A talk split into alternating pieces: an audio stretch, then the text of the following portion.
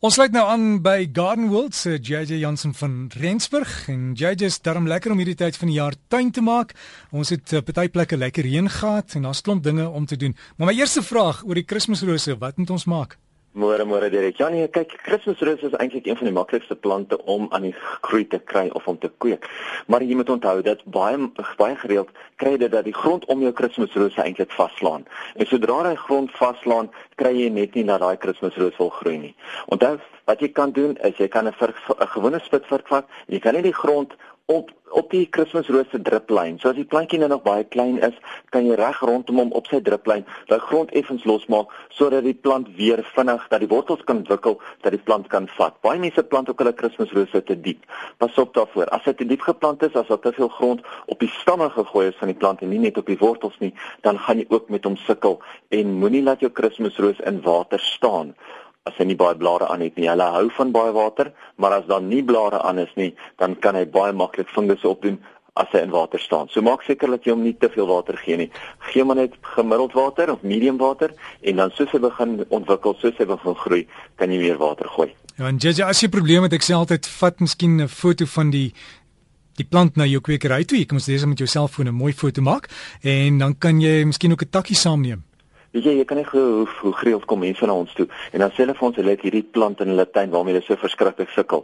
En dan gee hulle al daai raad oor daai plant. Hulle sê wag maar, ek het 'n foto op my op my foon, kom ons wys gou vir jou. Dan is dit iets heeltemal anders. So ja, dit is definitief dit help geweldig baie as mense foto's indring en dan kan ons hulle baie beter help.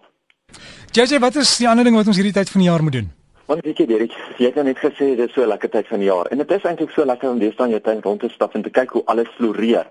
Maar baie mense dink as 'n mens verby 'n tuin ry of deur 'n tuin stap, moet jy net een sintuig stimuleer en dit is om die tuin mooi te laat lyk. Nou hoekom probeer jy nie bietjie om meer uit 'n tuin uit te kry nie? Prikkel bietjie die ander sintuie ook. Dink bietjie hoe maklik is dit of jou tuin klank te gee. Water wat kabbel, voëls wat sing of selfs net 'n grys paadjie waaroor jy loop, kan vir jou interessantheid van van klank van 'n aard gee. Ons sterkste sintuig, ons sterkste sintuig natuurlik is geur en daar's altyd spasie vir plante wat lekker ruik in enige tuin. Nou met Valentynsdag wat net verby is, dink mense altyd eers aan rose. En ja, rose is meer baie baie van jou geurigste plante en sekere rose is meer geurig as ander. Nou een van die geurigste plante plante beskikbaar is natuurlik ook jou inheemse badlias, ons eie badlias, die kykiepierings, vir veldblomme, lentebolle soos natuurlik jou hyacint en jou narsings en fresias en onthou jou lentebolle gaan nou een van die dae weer geplant kan word. Baie mense vra wat is die Afrikaanse naam vir 'n badlia en dit is mos eintlik daai skoenlapperbos want hy lok mos geweldig baie skoenlappers.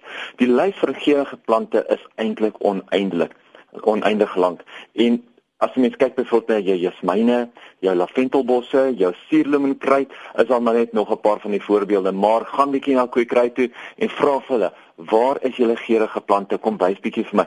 Wat kan ek in my tuin plant wat vir my kan geur gee? Die volgende sintuig is ons natuurlik voel. En meeste mense dink aan voel as aan iets wat jy aan kan vat.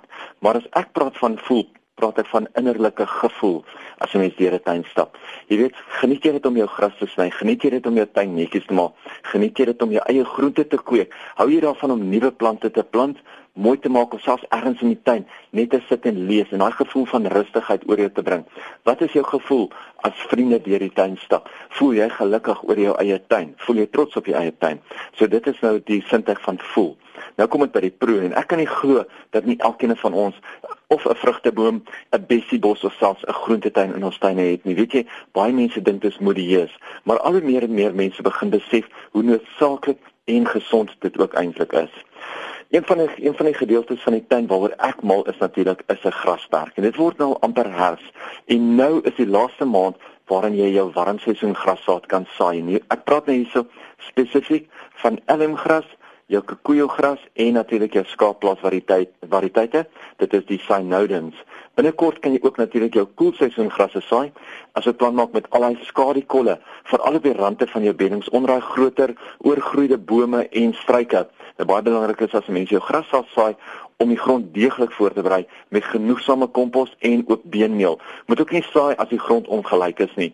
Onthou As jy dit mooi gelyk kan maak voordat jy dit saai, gaan jy baie gelyk gras grasperk hê en dan meeste grassade wil eintlik net 1 tot 2 mm se grond bo oor hulle hê.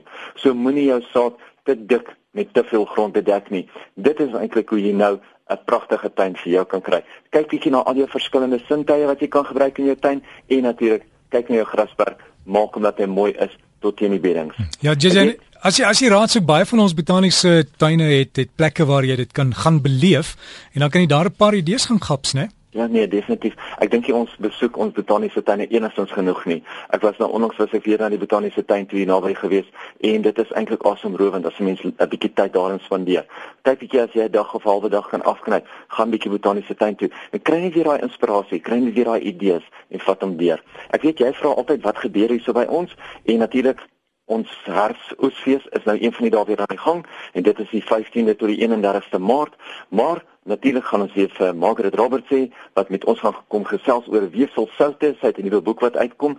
En dan natuurlik Leon Kluge. Hy het nou net een of ander skou in Japan gewen. So ek dink regtig ons moet 'n bietjie meer kyk na wat doen die mense internasionaal en hy gaan met ons kan kom gesels oor die nuwe internasionale tendense en idees en Margaret gaan nie by ons wees op die 15de Maart, hy gaan nie wees op die 22ste Maart, maar vir die van julle wat wel wil belangstel, gaan kyk na ons webtuiste, gaan kyk na ons Facebook, alles is daar op en bespreek. En sien jy weet wie Leon Kluwer is, hy is een van die kers, ek kyk net daar van die Nelspruit omgewing. So gesels ons met JJ Jansen van Rensburg, as jy enigting soek op hulle webtuiste, daar is is Garden World .co.za en JJ se e-pos as jy navraag vir dinge het stuur vir hom. JJ by Garden World. .co.za. Jy jy by Garden World. .co.za.